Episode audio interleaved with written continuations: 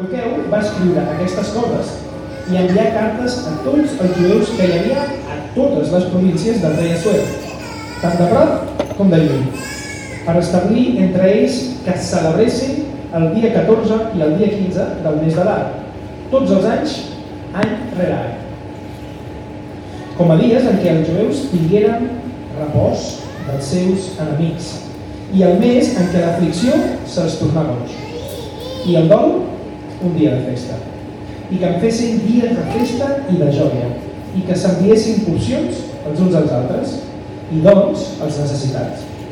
I els jueus acceptaren el que havien començat a celebrar, tal com Mardoqueu els havia escrit.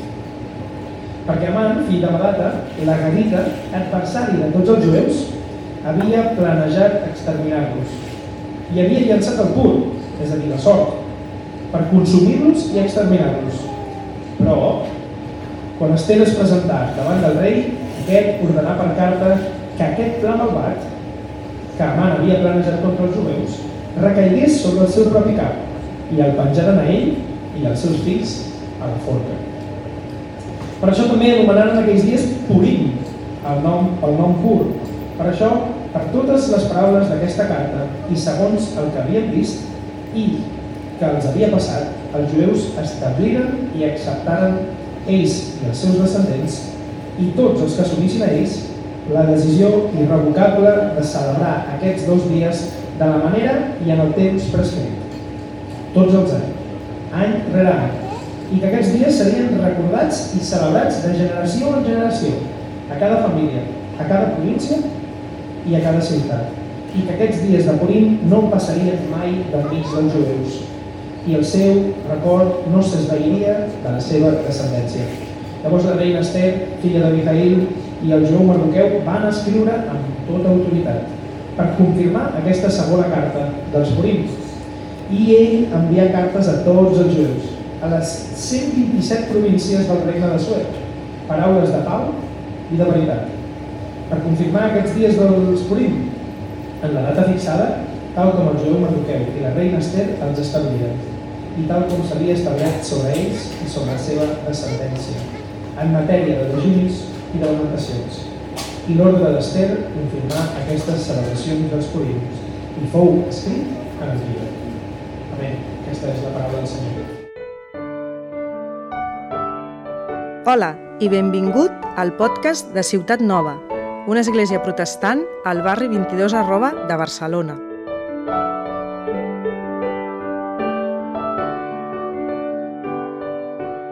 Siempre es un privilegio poder estar aquí con vosotros, poder compartir la palabra del Señor y es una gran responsabilidad también. Y bueno, también contento de ver que hoy es un día de hay gente diferente, gente que hace tiempo quizás no nos vemos, ¿no? Bueno, hemos leído el texto, eh, Vladi acaba de leer el texto que hoy vamos, vamos a tratar, vamos a abordar juntos y vamos a intentar extraer alguna aplicación yo creo que importante para nuestras vidas, especialmente pensando como creyentes, ¿no? como personas que creemos en Jesús y que queremos seguirle. Y si hacemos un poco una muy breve introducción, ¿no? estamos llegando al punto final de una historia muy interesante. Es una historia real, el libro de Esther, Seguramente algunos de vosotros no habéis estado en toda esta trayectoria que hemos seguido los últimos domingos. Y en los, últimos, último, los dos últimos sermones se nos hablaba de ese desenlace en el que Amán, el enemigo del pueblo de Dios, el enemigo de los judíos, se le cambia la suerte, su plan se tuerce, acaba juzgado, colgado, y Mardoqueo, aquel al que él buscaba la muerte, y no solo a él, sino al todo el pueblo judío, Mardoqueo es exaltado, ¿verdad? Vimos también que esto, esta realidad que pasó con Esther, existe un paralelismo espiritual con el pueblo de Dios hoy, con la iglesia. Mirad, el pueblo de Dios a lo largo de los milenios ha sido un pueblo que por definición es un pueblo despreciado, es poca cosa delante del mundo, a los ojos del mundo. es un pueblo despreciado y, perseguido. Hay un enemigo muy interesado en destruir al pueblo de Dios. La Biblia nos habla de, ese Satanás, ¿no? Caricaturizado por nuestra cultura, ¿no? De muchas maneras, pero es un ser real. Podemos hablar de esto más, más de adelante, ¿no? Pero es hay alguien, hay un enemigo muy interesado en destruir el pueblo de Dios, pero nunca acaba siendo destruido. Se le hace daño, se le persigue, se le tortura, pero algo pasa, alguien está cuidando a ese pueblo que nunca es destruido. Jesús, así como Mardoqueo, ¿no? Aquel judío humilde fue exaltado, Jesús para nosotros, para el pueblo de Dios, hoy es el gran Mardoqueo, podemos decir. Es ese siervo humilde que sufrió una muerte vergonzosa en la cruz, pero que fue resucitado, exaltado a la diestra de Dios y que va a llegar un día a establecer un reino final y perfecto, que hablaremos también de esto ahora más adelante. Entonces, la historia de Esther, que, se, que de alguna manera queda en un marco histórico, ¿no? corto, si miramos la historia es un marco cortito, es la historia en parte de todo el pueblo de Dios. Amán es derrotado, los enemigos de los judíos son derrotados en nuestra historia de Esther. ¿Cómo acaba entonces? ¿Cómo tiene que acabar? ha habido un tiempo, ¿verdad?, de mucha preocupación, de algo muy grave, una situación de genocidio total, pero la suerte se cambia y ellos acaban con sus enemigos y hay victoria. ¿Cuál es el paso lógico después de la victoria? Una celebración, una fiesta, ¿vale? Y es lo que vamos a hablar hoy, vamos a hablar de celebración, ¿vale? Una pregunta, ¿Os podéis imaginar el, mundo que vivís ahora sin ninguna celebración? Pensar un momento. Pensar un momento. ¿Os imagináis el mundo, vuestro día a día, sin ninguna celebración? No se celebran cumpleaños, no se celebran las victorias del fútbol, no se celebran las bodas, no se celebran las fiestas municipales ni las fiestas del barrio eh, no hay celebración del Día del Libro, de San Jordi, no hay celebración de Navidad, no hay celebración de fin de año, no hay nada. ¿Os lo podéis imaginar? ¿A qué es difícil? ¿A qué es difícil? A que la celebración forma parte de algo muy dentro nuestro, muy de nuestra natura. Algo dentro nos impulsa a celebrar las cosas, los eventos, las victorias, ¿no? Porque estamos hechos a imagen de Dios. Y Dios es Dios de celebración. Y nos parecemos a Dios. Y necesitamos celebrar. En la Biblia, los que conocéis la Biblia, Dios es un Dios que establece celebraciones para recordar sus hechos a favor de su pueblo, para recordar las victorias de su pueblo a lo largo de la historia. Y además me gusta usar la palabra celebración porque celebración, ¿qué connota normalmente? Connota alegría, ¿no? En parte, no todo es alegría, pero sin duda no puede haber celebración sin alegría. ¿Sabéis que hay un libro, en los primeros cinco, libros de la Biblia, que se llaman el Pentateuco, hay un libro que se llama Deuteronomio. Es un nombre muy raro para los que no estéis familiarizados. Es un libro donde se habla de, de varias leyes y es un discurso de Moisés, aquel líder judío. ¿Sabéis una cosa? Ahí se habla de mucho de celebración.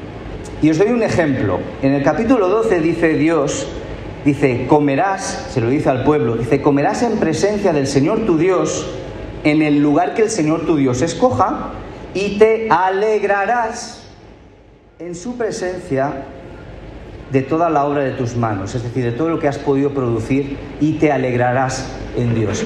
Sale al menos seis veces, seis veces la instrucción de Dios de decir, vas a celebrar esto es que te vas a, y te vas a alegrar. Porque yo soy un Dios de gozo. Yo soy un Dios que me alegro, me gozo en dar y me gozo en ver cómo tú prosperas, cómo tú avanzas, cómo tú eres salvado. Dios es un Dios de celebración, de alegría, ¿vale? Y lo tenemos dentro nuestro, está muy arraigado en nuestra naturaleza. Tal es así que a lo largo de toda la Biblia hay celebración y hablaremos también al final de, de, este, de esta predicación, ¿no? de una gran celebración final también, que se ve en ese libro final de la Biblia, ¿no? llamado Apocalipsis. ¿eh? No tiene que ver, tiene que ver con revelación la palabra Apocalipsis, con lo que va a pasar al final. ¿no? Pues hay una gran celebración al final. Y, hablar, y también diremos que no es solo el final, es el principio de algo. En fin, la cuestión es que celebración es algo que lo llevamos, necesitamos celebrar. Y lo que vamos a ver hoy en este texto, que se podía abordar de diferentes maneras, pero me gustaría que viéramos cuatro ideas, ¿vale? Cuatro puntos de cómo podemos aplicar lo que hicieron Esther y Mardoqueo el pueblo judío ahora, hoy, al pueblo de Dios. Es decir, ¿qué nos da la celebración como pueblo de Dios y cómo debe ser nuestra celebración, ¿vale? Y vamos a ver, primero, que nos ayuda a recordar y a identificarnos con un hecho histórico trascendente, ¿vale? La celebración nos ayuda a recordar y a identificarnos con un hecho histórico trascendente. En segundo lugar, nos lleva por un peregrinaje espiritual del llanto a la alegría. Nos lleva un peregrinaje espiritual del llanto a la alegría. En tercer lugar, veremos que nos lleva a la generosidad los unos con los otros y a los pobres. Y en cuarto lugar, vamos a ver que la celebración ayuda a propagar la experiencia de liberación a las siguientes generaciones, es decir, a los descendientes, a los hijos. ¿Vale? Así que vamos a intentar ver estas cuatro cosas y iremos un poquito pues una a una. ¿eh? En primer lugar, una celebración nos ayuda a recordar y a identificarnos con un hecho históricamente trascendente. ¿vale? Si recordamos los versículos, por ejemplo, del 24 al 26, que nos ha leído Vladi, son una descripción de los hechos históricos que pasó y sufrió el pueblo. Es una explicación de que cómo el pueblo estuvo a punto de ser aniquilado por una persona que tiene nombre, que tiene apellidos, una persona histórica, una realidad histórica, y cómo eso, su suerte cambió, ¿eh? llamémosle suerte, también gracias a la intervención de Esther y Mardoqueo, y por supuesto, como hemos hablado en estos días, Dios detrás de todo eso. ¿no? Es decir, hay un, hay un hecho real. La celebración no se basa en algo abstracto. Yo no sé qué sueles celebrar tú o qué cosas te gusta celebrar. Pero no, no se basa en algo abstracto. La celebración no se basa en un concepto ideológico, ¿no? Nuevas ideas. No. no tampoco en caprichos, ¿no? La celebración se basa en un hecho trascendente que ha cambiado radicalmente el porvenir de un pueblo, el porvenir de tu vida. Es decir, nos da sentido de propósito, de identidad y de un claro lugar en la historia, ¿vale? Nosotros como pueblo de Dios, ¿en qué nos parecemos al pueblo judío de aquel entonces, de hace dos mil y pico, tres mil años? ¿Cuál es el hecho trascendente que hace que estés tú aquí ahora? ¿Cuál es el hecho trascendente que hace que estés sentado en esta silla y no en un parque o en la playa? Porque si no hay un hecho trascendente, bien podrías estar haciendo otra cosa de más provecho. ¿eh?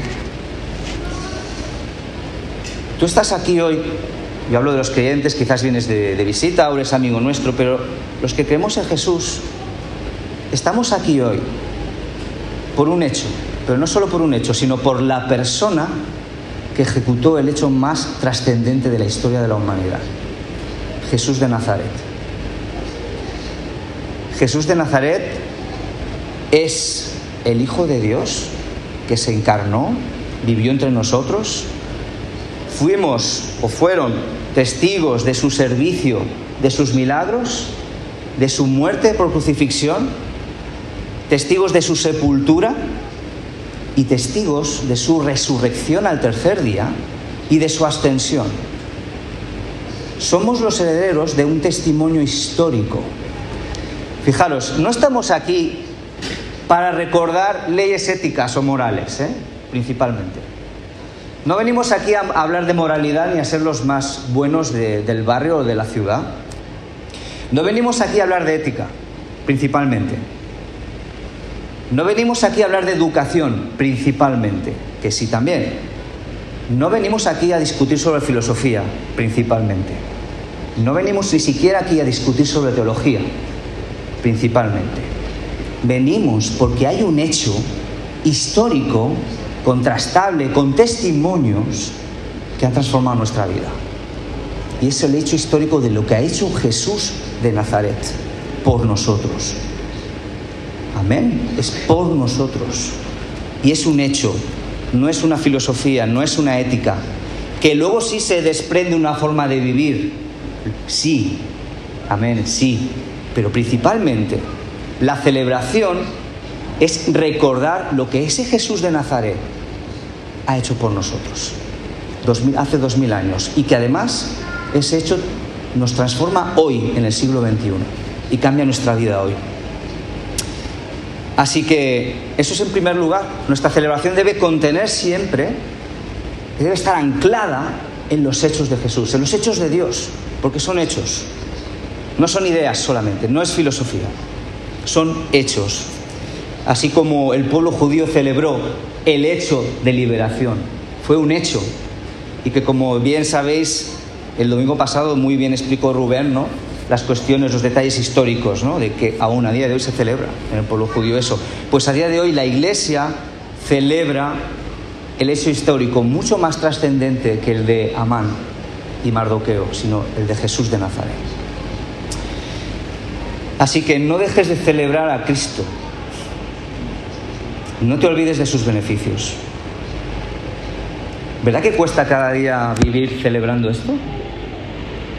A veces vivimos amargados, ¿no? Y tenemos la visión en, el día a día, cansados, nos absorben muchas cosas. ¿Has vivido hoy como si no hubiera nada que celebrar? ¿Ayer?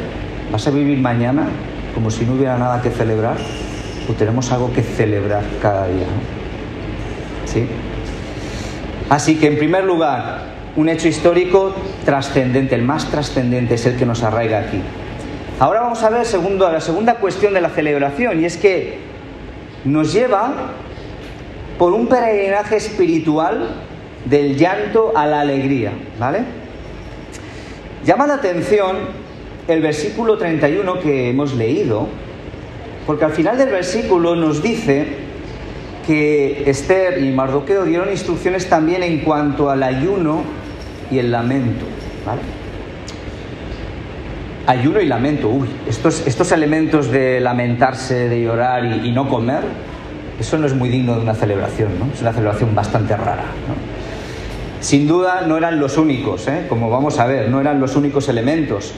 Pero esa celebración era ese viaje espiritual que sufrió el pueblo y revivir ese viaje, ¿sí?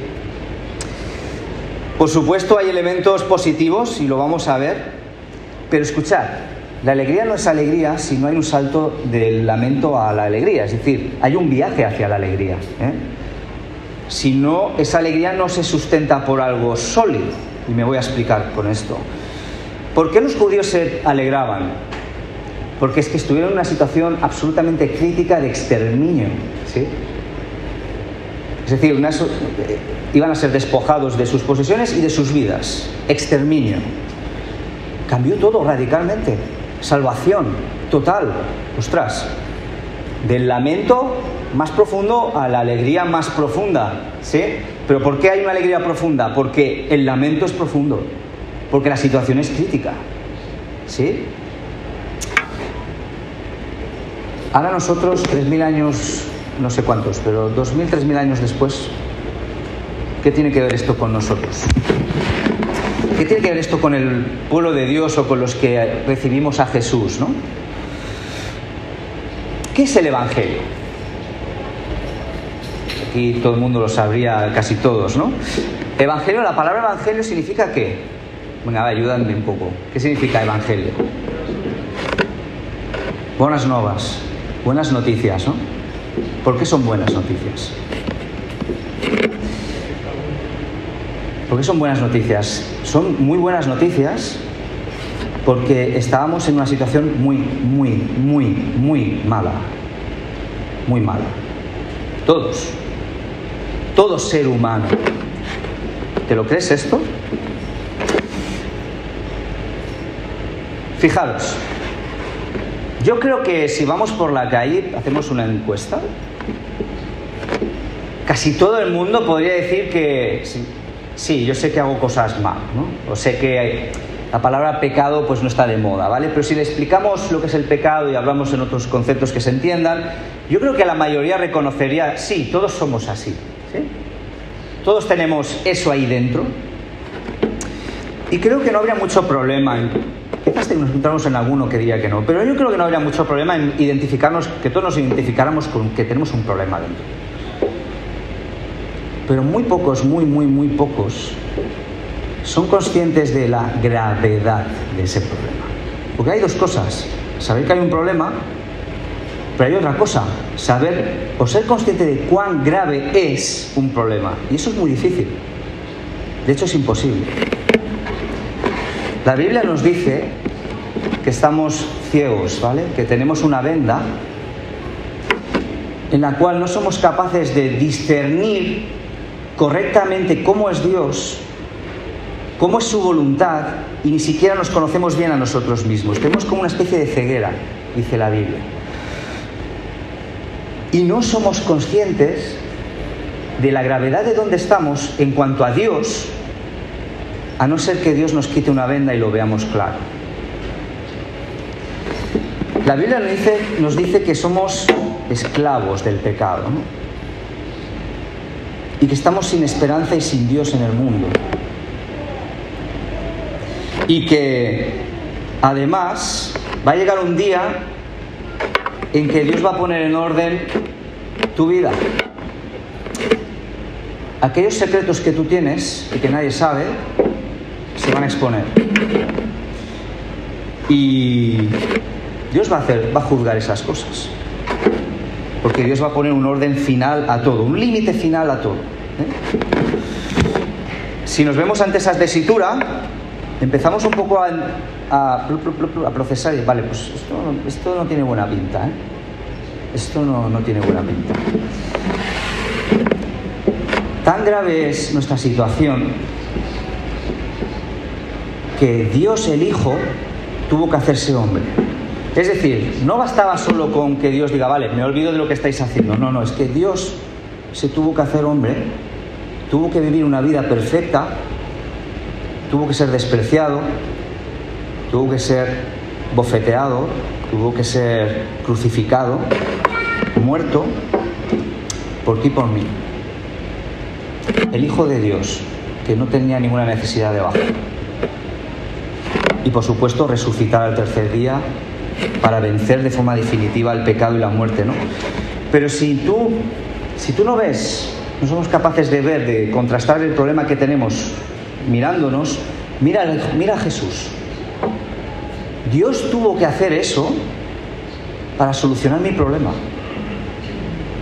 Dios tuvo que asumir la responsabilidad, por decirlo así, sobre sus hombros para solucionar mi problema, porque no soy capaz de solucionarlo.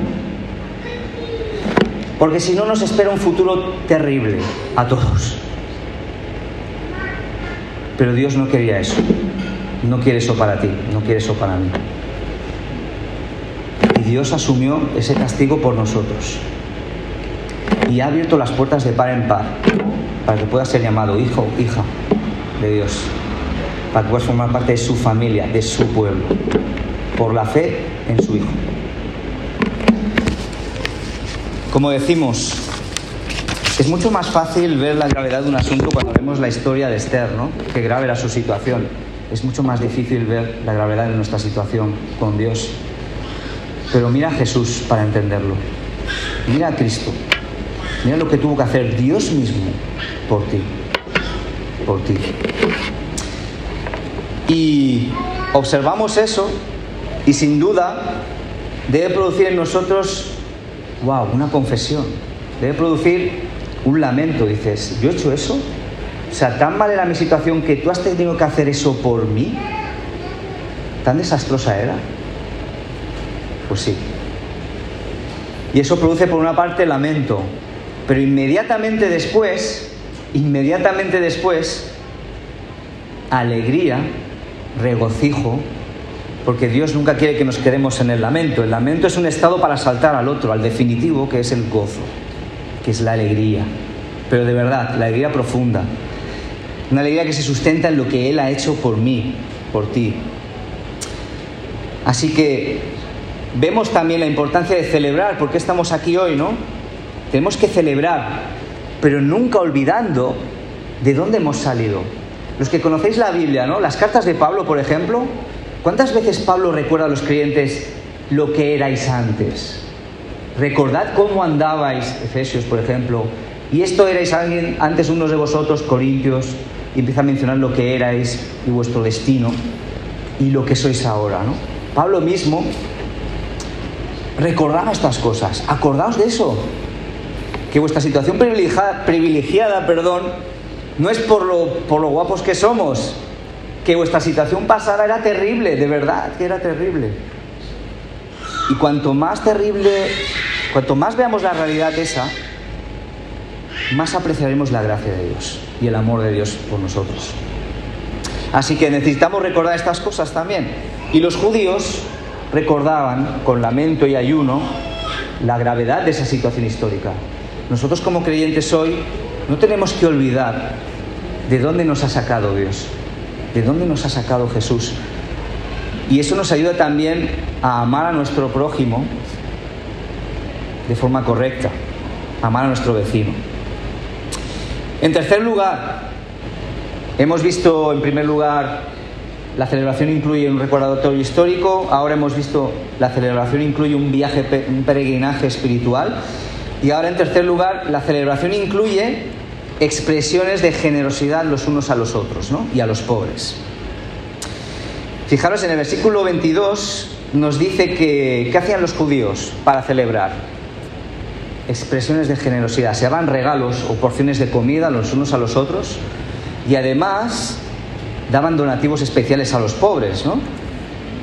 De hecho, a ver, es que ¿qué puede incentivar más la generosidad que darte cuenta que ibas a perderlo todo y la vida y te ha sido dado todo otra vez de nuevo, ¿no? Pensadlo por un momento, ¿no? Wow, eso, eso lógicamente debe producir, es que debería producir una generosidad lógica, ¿no? Pues ellos materializaban este, esta actividad, esta festividad, dando regalos, regalándose porciones y dando generosas donaciones a los pobres, ¿no? Ahora, ¿qué pasa con nosotros hoy? ¿no? años después, eh, ¿sabéis qué pienso? Pues pienso que el pueblo de Dios debería ser el pueblo más generoso de la tierra. Debería, ¿eh? Cosa es que lo seamos, ¿eh? Pero pienso que el pueblo de Dios, la iglesia, debería ser el pueblo más generoso de la tierra. ¿Por qué? Porque como hemos visto antes, si es un pueblo que es consciente de, su, de que antes tenía un destino eterno terrible, pero Dios lo ha cambiado, y tú eso te lo crees y lo abrazas, y abrazas su salvación y su amor, ¿qué tiene que producir? Lógicamente, generosidad, desprendimiento, ¿no? Hacia los otros, hacia los demás. La iglesia será generosa en proporción a la comprensión espiritual del Evangelio. La iglesia será generosa en proporción a la comprensión espiritual y experimental del Evangelio. Hemos dicho eso, ¿no? Jesús nos ha, nos ha pasado de la muerte a la vida, de la, de la oscuridad a la luz, ¿no? Y si vivimos eso como una realidad, que es lo que Dios quiere, debería producir generosidad, sin duda, ¿no? Cuando somos de Cristo, todo lo nuestro es suyo. Todo lo nuestro es suyo. Somos nosotros suyos. Y si somos de Él, todo lo nuestro es de Él. Pero sabéis otra cosa, todo lo suyo es nuestro. Toma ya. Todo lo nuestro es suyo y todo lo suyo es nuestro. Porque Él ha conquistado todo para nosotros.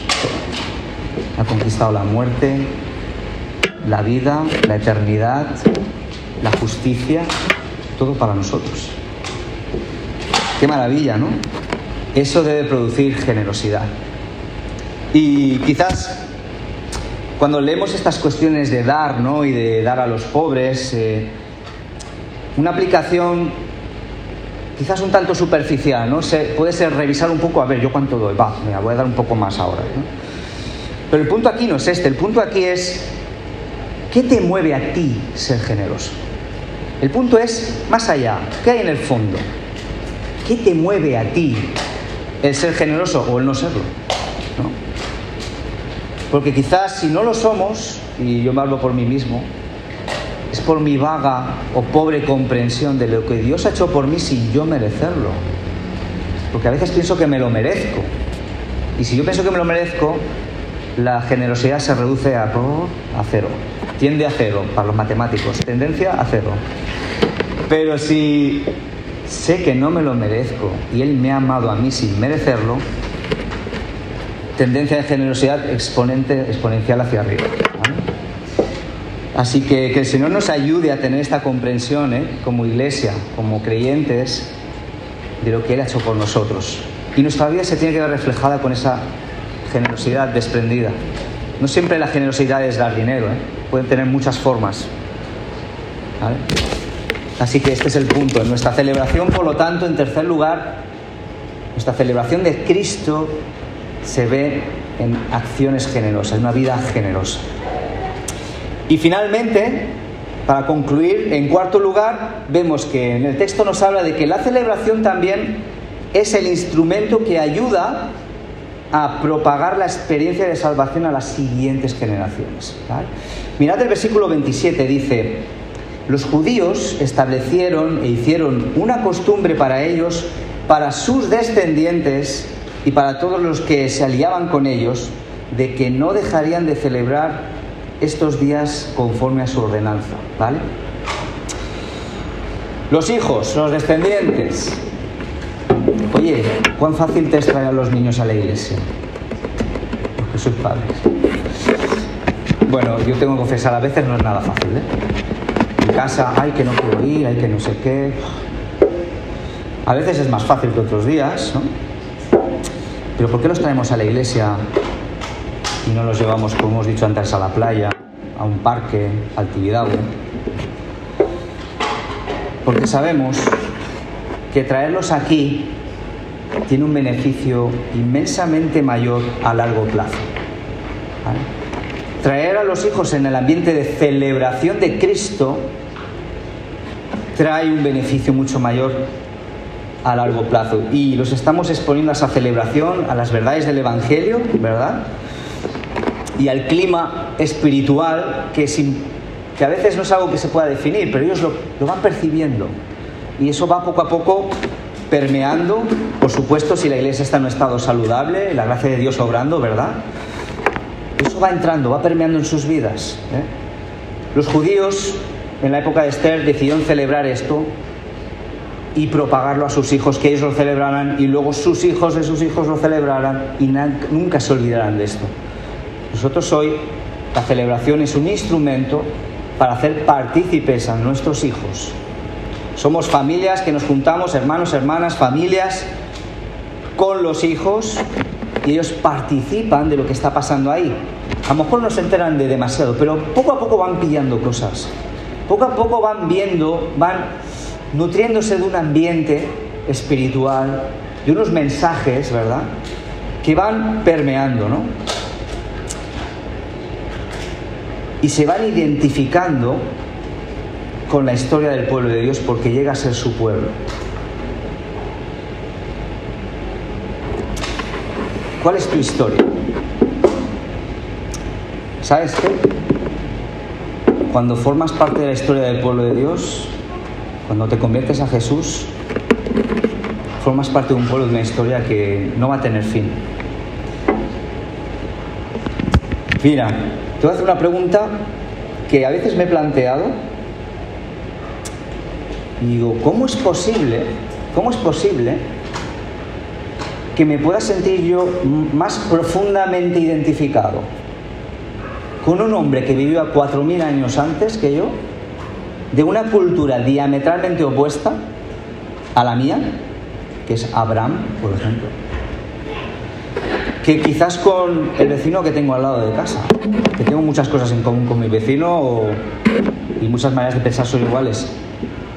Pero ¿cómo puedo yo sentir que tengo más identificación con ese tal Abraham de hace cuatro mil años que con mi vecino?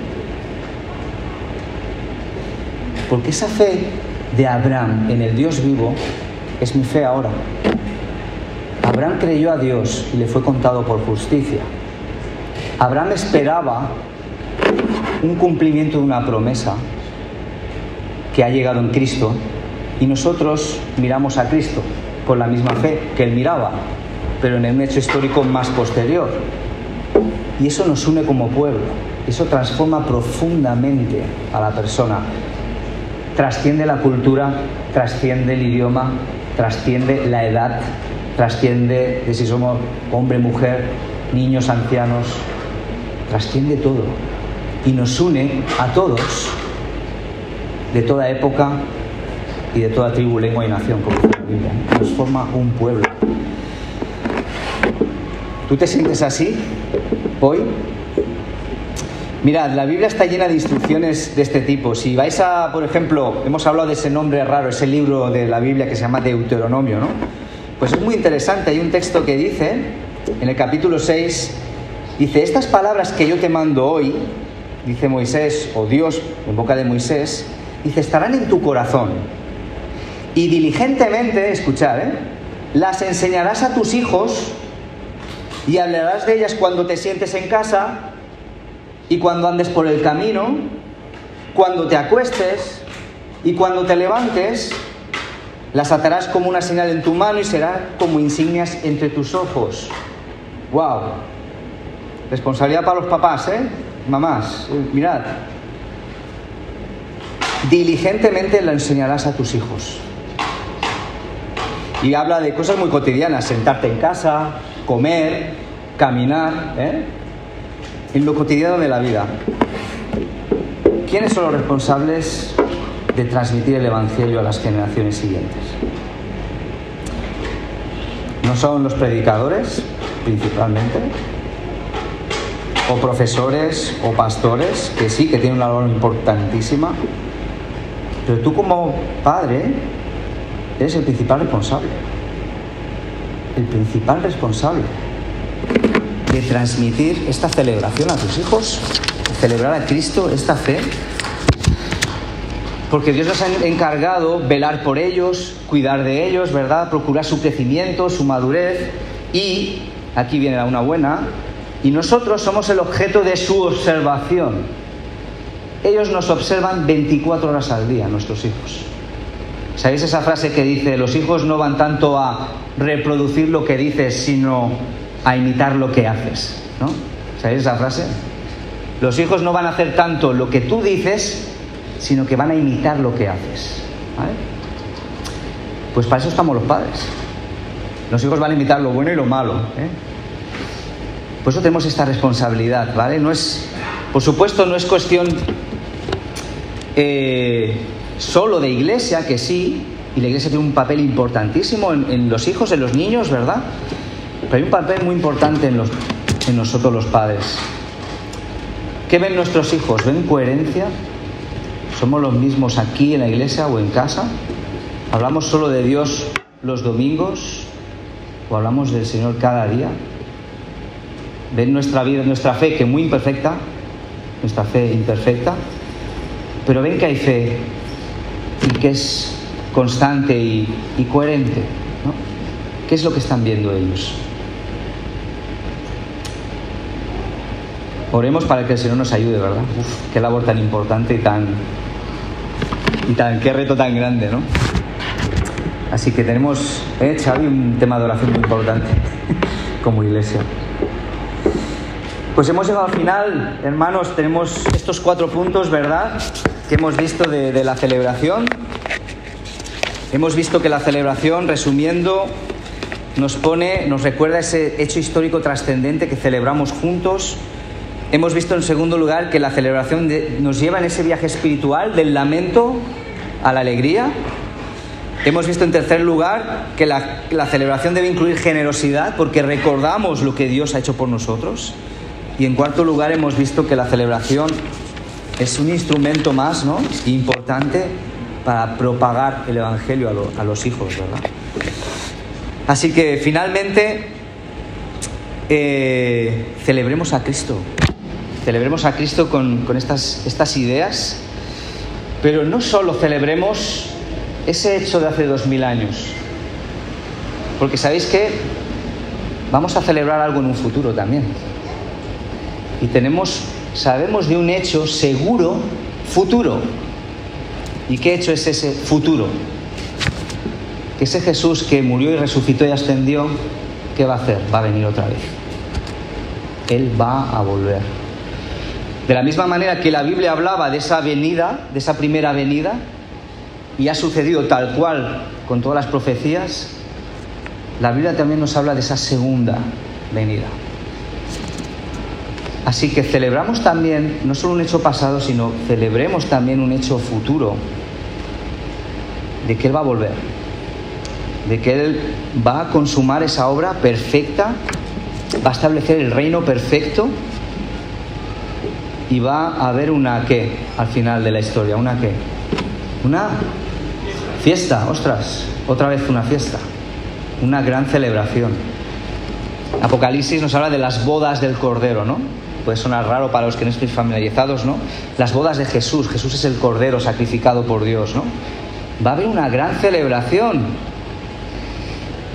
Pero yo no diría tanto del final de la historia, yo diría el final de una historia, porque va a ser el comienzo de otra. ¿Vale? La segunda venida de Cristo va a marcar el comienzo de una nueva història. Gràcies per escoltar aquesta predicació. Si tens preguntes respecte al seu contingut o vols tenir una conversa sobre l'Evangeli, no dubtis en contactar-nos. Escriu-nos o visita'ns a www.cn22.org.